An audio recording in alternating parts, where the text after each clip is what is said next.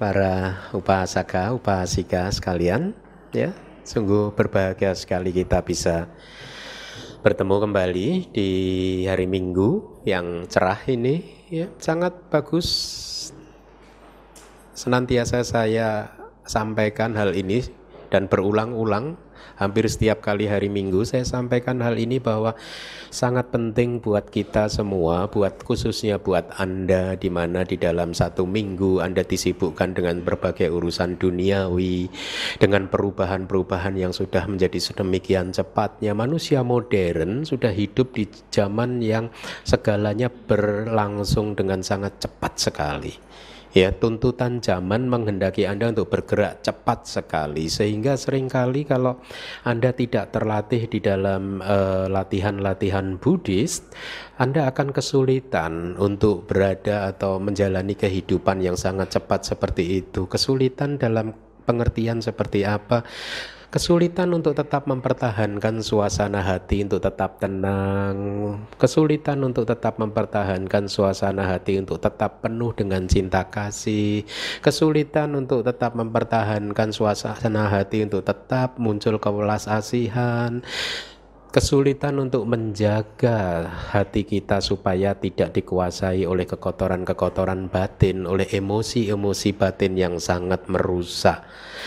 Karena sesungguhnya tidak ada sesuatu apa pun di muka bumi ini yang bisa merusak kedamaian dan kebahagiaan kita selain dari kekotoran batin kita sendiri. Tidak ada sesuatu di luar sana yang bisa merusak kedamaian kita. Ya, kecuali kita mengizinkannya, kecuali kita masih mempunyai pandangan yang salah hanya ada satu musuh kita di dalam bumi ini. Itu pun kalau kita boleh memakai istilah musuh karena musuh sering dikonotasikan secara negatif sebagai sesuatu yang harus dihancurkan. Tetapi kalau saya mengadopsi istilah musuh ini ya di dalam Buddhism Budanya mengajarkan hanya ada satu musuh kita yaitu siapa? Kekotoran batin kita sendiri, emosi-emosi negatif kita sendiri, keserakahan kita sendiri, kemarahan, kebencian, dendam, iri hati, penyesalan-penyesalan kita, semua emosi-emosi negatif yang merusak ini adalah satu-satunya musuh kita. Kalau saya katakan satu karena ini adalah gabungan. Kita cukup menyebutnya sebagai kilesa atau kekotoran batin. Kilesa, definisi dari kilesa adalah sesuatu atau suatu aktivitas mental, aktivitas batin yang menyiksa kita kalau Anda merasa tersiksa di dalam kehidupan ini, ingat yang menyiksa bukan suami Anda, bukan istri Anda, bukan anak-anak Anda, bukan bos Anda, tetapi yang menyiksa adalah ketidaklihaian kita sendiri, ketidakmahiran dari kita sendiri yang mengelola kehidupan ini secara salah, mengelola suasana batin ini secara salah. Sampai hari ini kita masih saja belum memahami bagaimana cara yang baik dan benar yang dan tepat untuk mengelola kehidupan kita. Saya ulangi lagi, hanya ada satu musuh di dalam kehidupan kita yaitu kilesa kita sendiri. Dan kilesa tersebut adanya di dalam diri kita sendiri. Kilesa tidak pernah ada di luar sana, adanya di dalam diri kita sendiri. Dan bahkan Buddha mengajarkan kepada kita satu-satunya cara yang paling efektif di dalam Buddhism untuk mengalahkan musuh kita adalah dengan mengasihinya, menyayanginya, kita tidak menghancurkan kilesa dengan kemarahan. Kita tidak menghancurkan kilesa dengan emosi-emosi negatif yang lain. Tetapi sebaliknya kita menghancurkan kilesa dengan cara memahaminya. Seperti seorang ibu yang memahami anaknya yang sedang dalam usia-usia yang nakal, pahamilah dia sebaik-baiknya, kasihilah dia sebaik-baiknya, sehingga akhirnya dia pun menjadi jinak ya dia pun menjadi anak yang manis dan demikian pula cara menghandle kilesa-kilesa kita. Jadi lihatlah ini Buddhism Saya ulangi lagi, musuh kita hanya satu, yaitu kilesa kita sendiri. Kilesa-kilesa tersebut adalah sesuatu yang menghancurkan ketenangan, kedamaian, dan kebahagiaan kita. Tetapi, bahkan untuk satu kekuatan mental yang sangat merusak seperti itu pun, Buddhism mengajarkan kepada kita cara menghandlenya adalah dengan mengasihinya, dengan mengembangkan meta terhadap kilesa-kilesa tersebut. Dengan demikian, maka Anda mempunyai satu framework yang sudah jelas, sudah tepat untuk menjalani kehidupan ini. Topik ceramah saya pagi hari ini adalah memahami kehidupan dengan benar, memahami kehidupan dengan baik.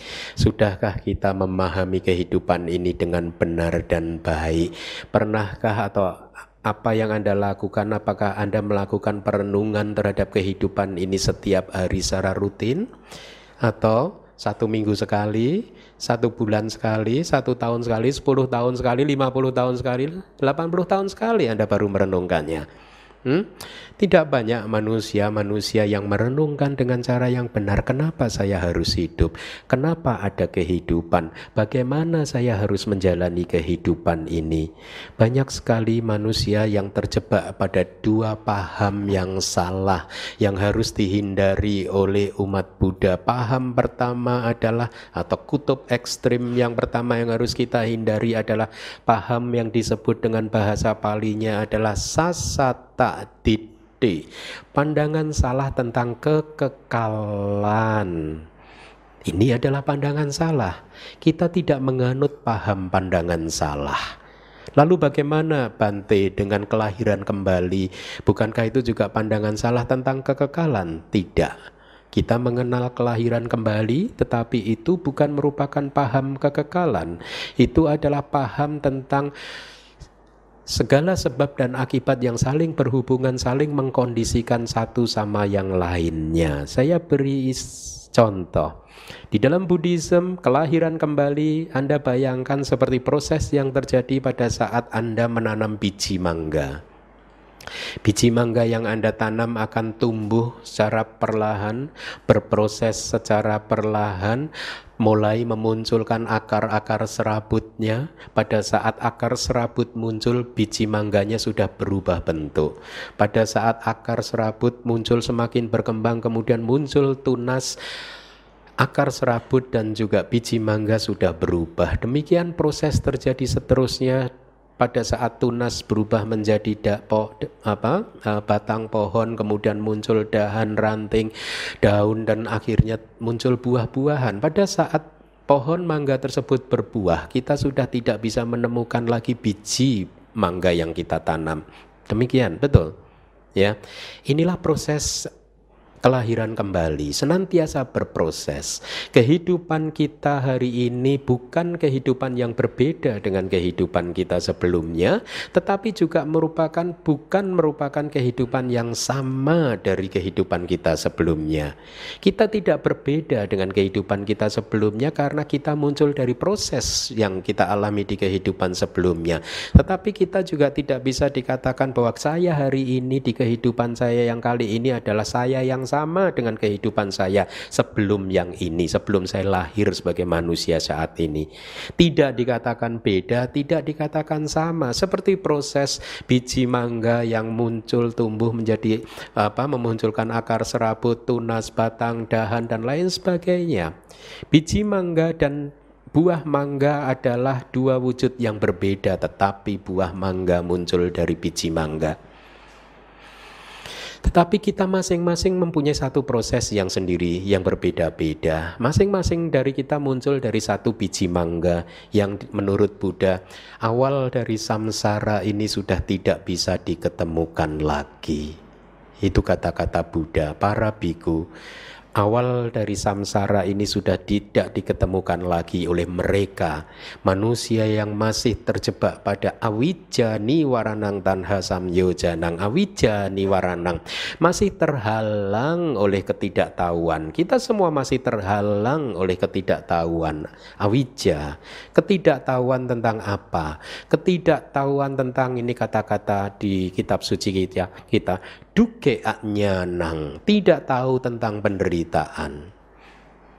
tidak tahu tentang apa yang menyebabkan munculnya penderitaan. Ini yang disebut ketidaktahuan. Sehingga akhirnya banyak sekali manusia karena adanya ketidaktahuan tersebut dia menjalani kehidupannya seumur hidup tanpa arah, tanpa pernah menyadari bahwa sesungguhnya apa yang dia lakukan hanyalah menumpuk, menambah jumlah kelahiran, menambah kehidupan akan membuat dia lahir lagi, lahir lagi, lahir lagi, lahir lagi sehingga jumlah kelahiran bisa bertambah terus tanpa batas dan itulah mengapa samsara bisa saja tanpa akhir. Kita bisa saja akan terus berputar-putar di dalam kehidupan ini tanpa pernah bisa mencapai akhir dari perjalanan kita.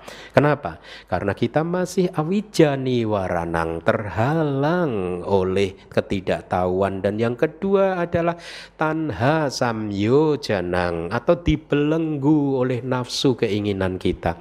Lihatlah semua perjalanan kehidupan Anda, kehidupan kita. Bukankah Sering kali Anda terjebak pada nafsu keinginan. Anda tidak menyadari bahwa Anda sudah dikendalikan oleh nafsu keinginan. Anda dikendalikan oleh kilesa-kilesa Anda dan Anda tidak bisa melepaskannya karena Anda masih kena belenggu seperti borgol polisi ya satu borgol menancap di dinding samsara di tiang samsara. Satu borgol yang lain masih mengena tangan kita sehingga ke mana pun kita bergerak kita tidak akan pernah bisa jauh dari samsara. Kita akan terus berputar-putar berputar-putar dan inilah mengapa tadi Buddha mengatakan awal dari samsara ini sudah tidak bisa ditemukan lagi Kalimat Buddha yang seperti ini mengajarkan kepada kita memberikan satu data kepada kita bahwa kehidupan kita sudah berlangsung untuk jangka waktu yang lama sekali. Kita tidak mengenal paham salah yang pertama yaitu tentang kekekalan ya. Tetapi kita mengenal paham yang bahwa segala sesuatu meskipun kita sudah hidup untuk jangka waktu yang lama sekali tetapi segala sesuatu berproses ya. Dan usia dari kehidupan kita ini sesungguhnya sangat singkat sekali. Berproses muncul, lenyap, muncul, lenyap, muncul, lenyap, muncul, lenyap.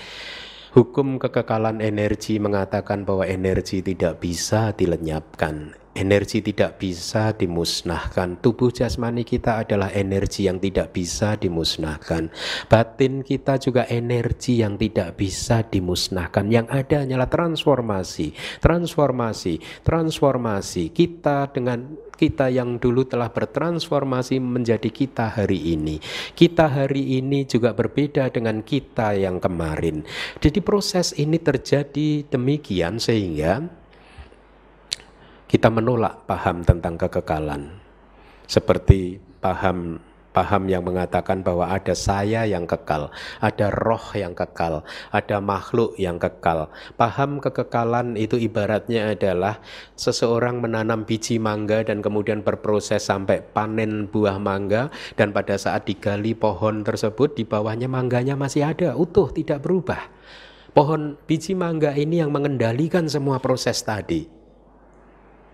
Kita tidak sepakat dengan paham yang seperti ini. Nah, kembali lagi, kehidupan samsara ini tanpa awal yang bisa diketemukan lagi, dan ini mengajarkan kepada kita bahwa kita menolak paham yang mengatakan bahwa manusia pertama hanya ada 15.000 tahun yang lalu atau 20.000 tahun yang lalu manusia yang pertama diciptakan. Bagaimana mungkin manusia usia peradaban hanya baru berumur 20.000 tahun sedangkan sekarang para ilmuwan sudah menemukan Big Bang. Ya, dia hanya mampu menemukan Big Bang sekali saja itu, satu Big Bang. Karena menurut para kaum fisikawan Big Bang ya yang terjadi 13,7 miliar tahun yang lalu itu katanya alam semesta ini menurut kaum fisikawan alam semesta hanyalah satu partikel yang sangat kecil sekali tetapi mempunyai densitas yang sangat tinggi sekali. Mempunyai apa? Density apa? Kepadatan ya. Yang yang sangat padat sekali dan sangat panas sekali dan 13,7 tahun yang lalu dia memuai Ya, sehingga akhirnya setelah 13 miliar, 7 sekarang menjadi alam semesta seperti ini. Menjadi tadinya kayak balon kecil kemudian memuai, memuai, memuai sehingga akhirnya menjadi seperti ini. Apa pun kita setuju atau tidak dengan para ilmuwan tersebut yang memuai ini mungkin kita tidak setuju tetapi fakta yang dia temukan bahwa 13,7 miliar yang tahun yang lalu sudah ada materi, sudah ada fenomena materi, sudah ada fenomena alam semesta membuat kita harusnya bertanya apakah pada saat itu 13,7 miliar tahun yang lalu dan seterusnya alam semesta ini kosong? Tidak ada makhluk sama sekali. Anda bayangkan, karena makhluk manusia pertama hanya diciptakan 20 ribu tahun yang lalu, berarti selama 13 miliar, 6 sekian, sekian, sekian, sekian, min, dua, berapa tadi? 20 ribu, alam semesta ini kosong. Tidak ada makhluk sama sekali, bayangkan. Tentu saja kita tidak sepakat dengan hal seperti itu karena Buddha mengatakan tadi awal samsara kita ini sudah tanpa awal. Sudah sangat lama sekali bahkan lebih dari 13,7 miliar tahun dan inilah mengapa kita sekarang menjadi manusia yang berbeda-beda. Lihatlah manusia yang ada di muka bumi ini 5 miliar, 6 miliar, 7 miliar manusia yang ada di muka bumi ini tidak ada satupun yang berwajah sama. Tidak ada. Bahkan kembar, siam kembar, dampit kembar apa pun tidak 100% sama. Kalaupun secara fisik hampir mempunyai kesamaan tetapi secara kualitas mental, kualitas batin mereka berbeda, kecerdasannya berbeda, nasibnya berbeda. Betul tidak? Ada yang pandai, ada yang au-au. Ada yang kaya raya, ada yang tidak lihat. Nasibnya berbeda-beda. Apa yang membuat ini semua? Yang membuat ini semua terjadi? Kenapa kita berbeda-beda? Karena Sesungguhnya kita, kehidupan kita ini adalah akumulasi dari apa yang sudah kita lakukan dari awal samsara dulu. Kita adalah pencipta dari kehidupan kita sendiri. Anda pencipta dari tubuh jasmani Anda sendiri. Anda pencipta dari pikiran-pikiran Anda sendiri, perasaan Anda sendiri, dan lain sebagainya.